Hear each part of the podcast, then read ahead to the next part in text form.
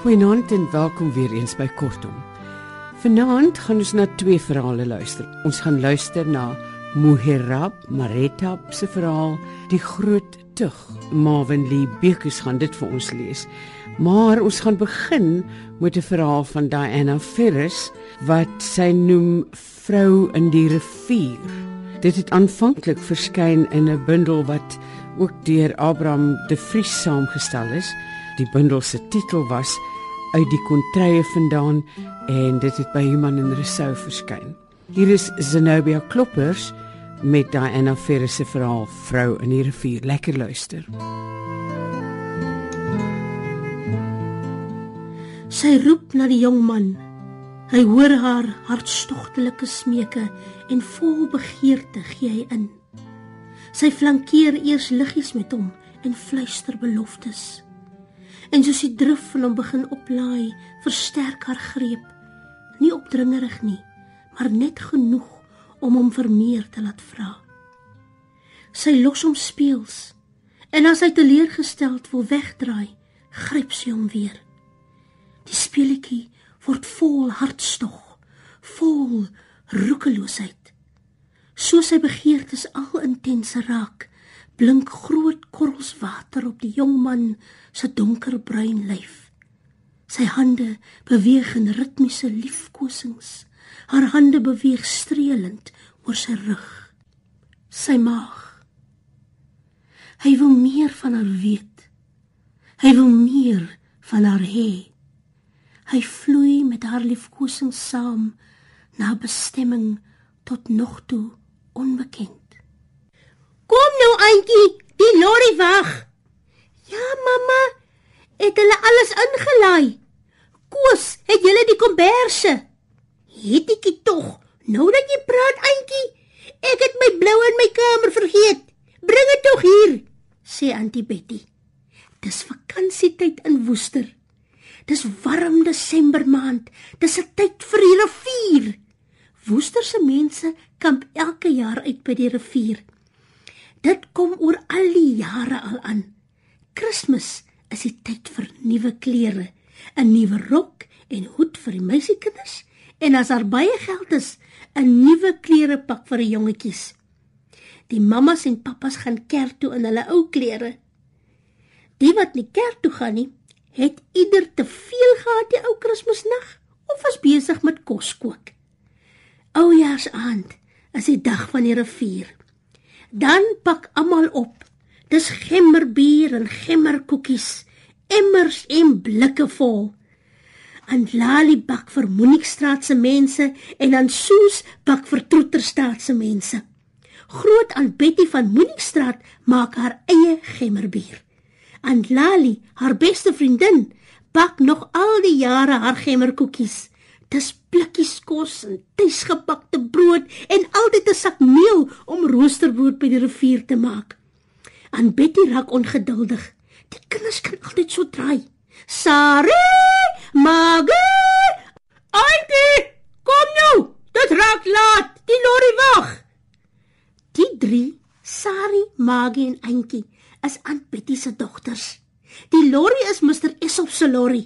Hy het 'n winkel op die hoek van Myling en Protesstraat. Hy neem elke jaar van hulle rivier toe. Die breë rivier is kwaliek 3 myle die dorp. Die lorry is swaar gelei. En Betty en haar kleindogter Baby sit voor by die drywer. Die kinders wat agter sit, maak groot lawaai tot die ontsteltenis van die ou vrou. Koos en sy swaar Elie is ook bly. Hulle is uiteindelik op pad. Hulle is belet om voor hulle skoonma te drink. Nou het hulle die kans om bietjie keel nat te maak. Soos die lorry ry, skud die wyn op almal uit.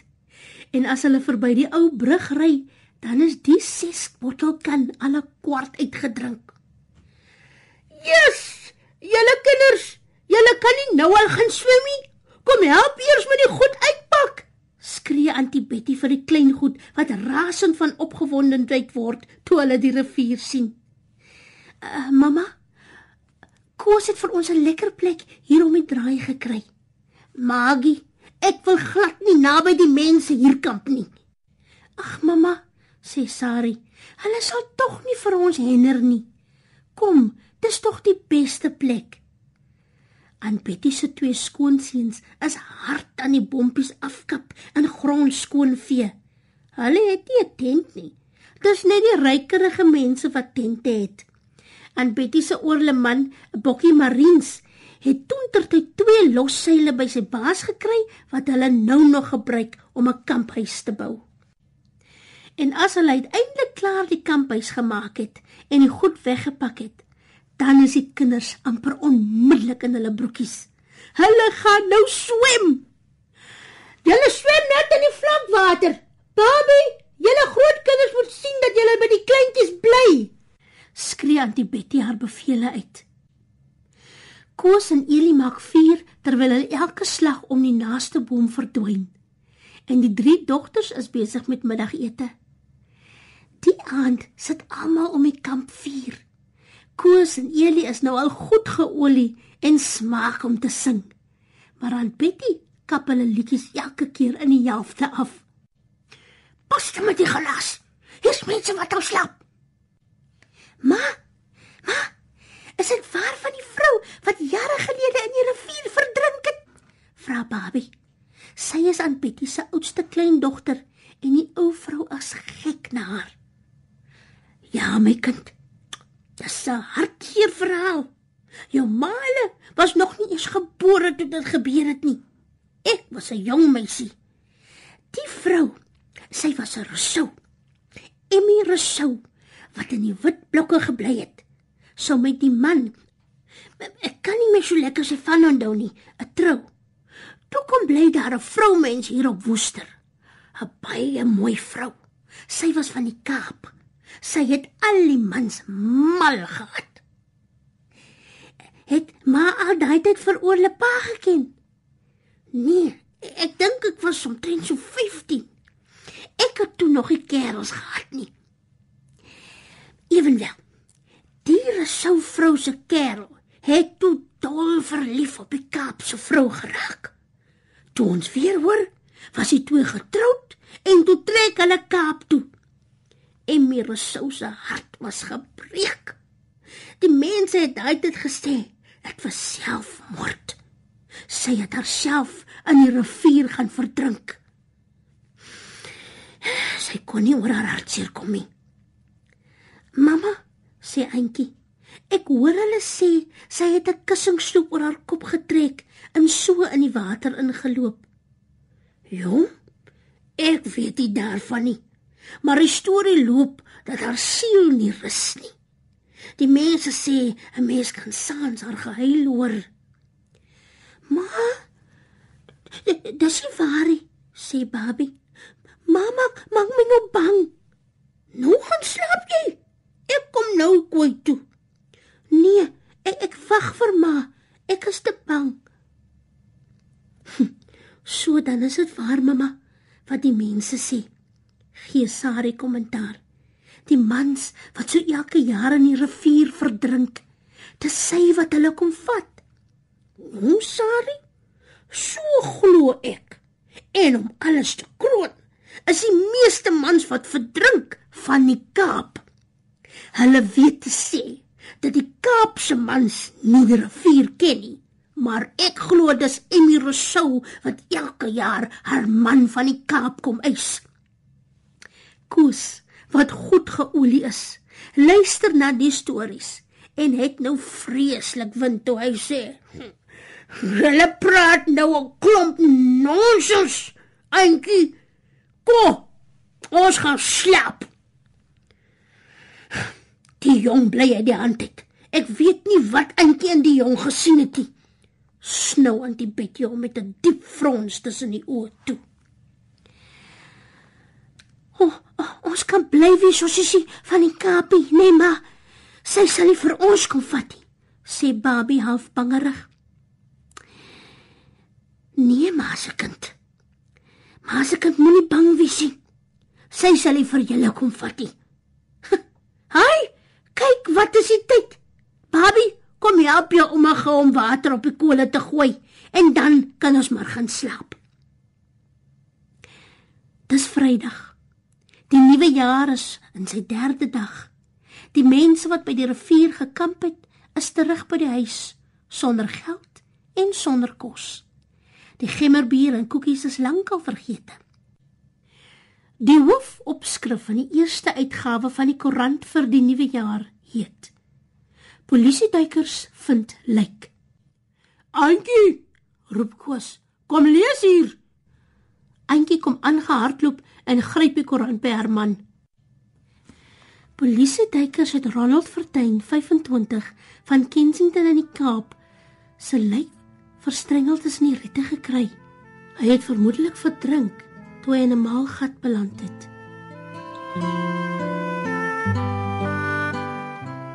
Zenobia Kloppers het vir ons Diana Ferris se Vrou in die rivier voorgeles. En soos ek gesê het, dit het verskyn in uit die kontrye vandaan 'n bundel saamgestel deur Abraham de Vries wat by Human en Resou verskyn het. Nou gaan ons luister na 'n verhaal met die titel Die Groot Tug en dit is geskryf deur Mohirab Maretab en het aanvanklik in Gool verskyn, 'n publikasie van Tafelberg. Marvin Lee Bekes gaan dit vir ons lees. Lekker luister. Vandat ek kan onthou, as ek en hom Aaron saam Hy het my vertel van my ouers se dood. Skool toe het hy my gestuur. Alles wat ek besit het, het ek van hom af gekry. Klere, speelgoed, skoolboeke, die lot. Beter nog, ons was maats, nespa en seun. Net ons twee saam. Ons het in 'n gerieflike sinkhuisie gewoon en ek het my eie kamertjie gehad. Ek was 'n prins gemeet aan ou lokasies se standaarde. Dis toe dat tannie Sabina langs ons intrek. Met intrek bedoel ek sy het een Saterdagmiddag haar sinkpondokkie 'n paar tree van ons in op 'n gelykte staan gemaak. Daardie dag was trek maklik. Sy het glo stry gekry met haar buurvrou, toe het sy 'n paar manne gehuur, haar pondokkie uit die klei en misvloer laat lig en na 'n ander, beter staanplek gaan soek. Vir ons klonkies was dit nogal pret. Ons moes met stokke aan die pondok slaan om vir die manne wat van binne dra rigting aan te gee. Op hul beurt moes hulle swaai in die rigting van die geluid dan gaan dit toef toef die kant toe. Toef toef daai kant toe. Ag, dit was jou waar pret. Miskien onbewus en uit gewoonte het ek te veel in ons huisie se kant laat draai.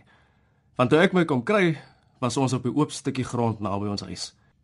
Hop, hop, skree ons daar en die trekkery was oor. Geen stoete voort en daardie goed wat 'n mens deur jou nek laat betaal vir 'n trek nie. En ja, die trek was oor en tannie Sabina was gesettel soos dit goeie buurmanskap vereis, het hom Aaron sy kant gebring en nie lankie of ons was huisvriende. Dis nou ek, oom Aaron en tannie Sabina.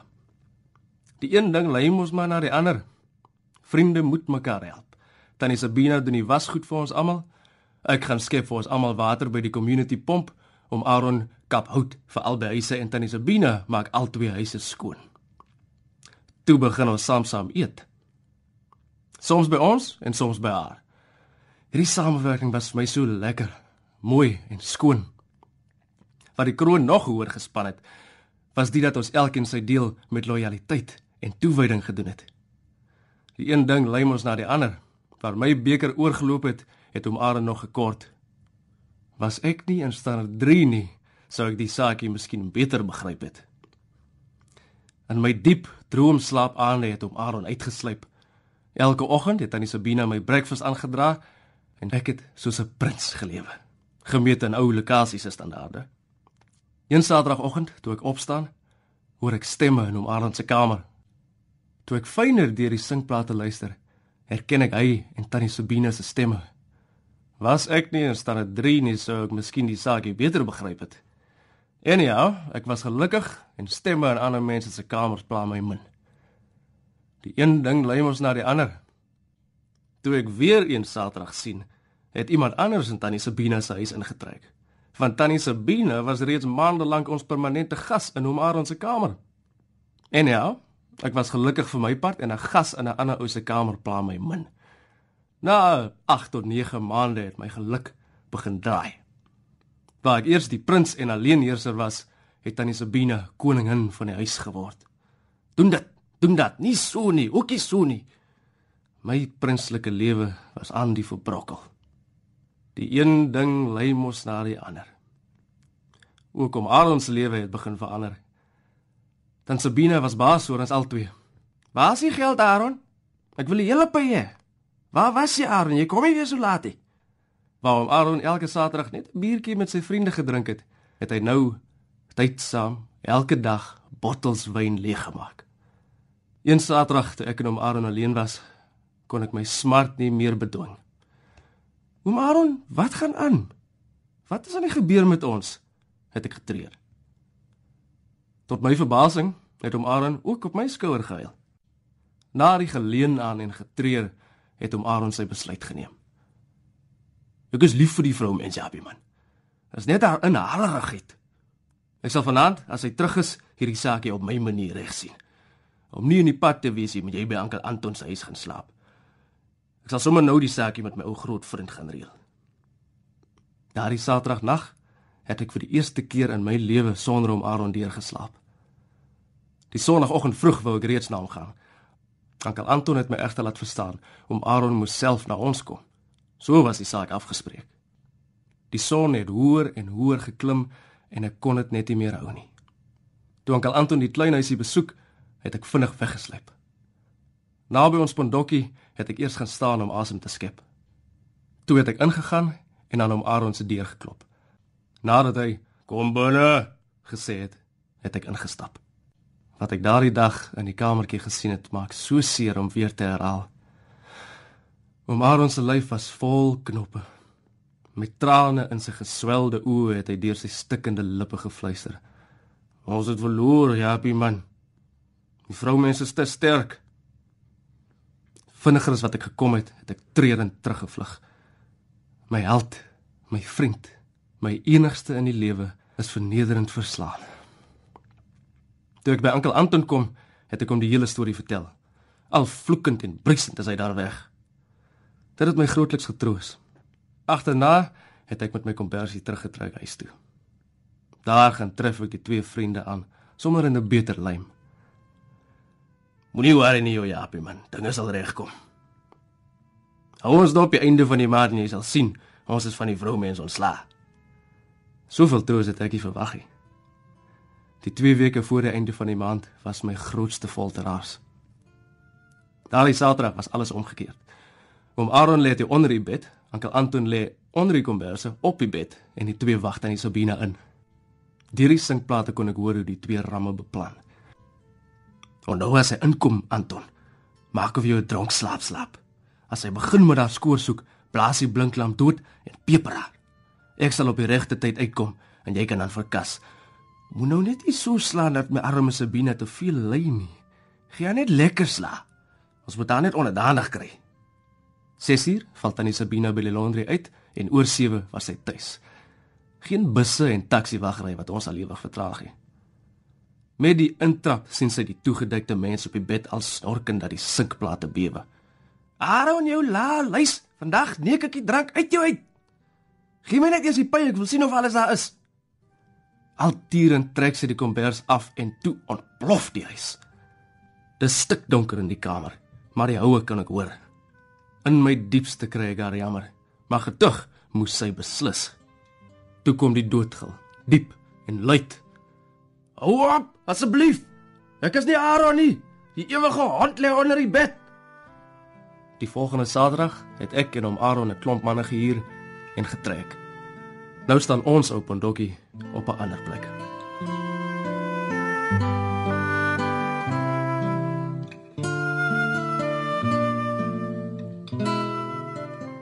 Dit was Muherab Maretap se verhaal Die Groot Tug wat verskyn het aanvanklik in Tafelberg se publikasie Gool. Marvin Lee Bekes het dit vir ons gelees. Van my, Margot Luit, alles van die aller aller allerbeste. Tot volgende keer. Mag dit met ons almal goed gaan. Totsiens. thank you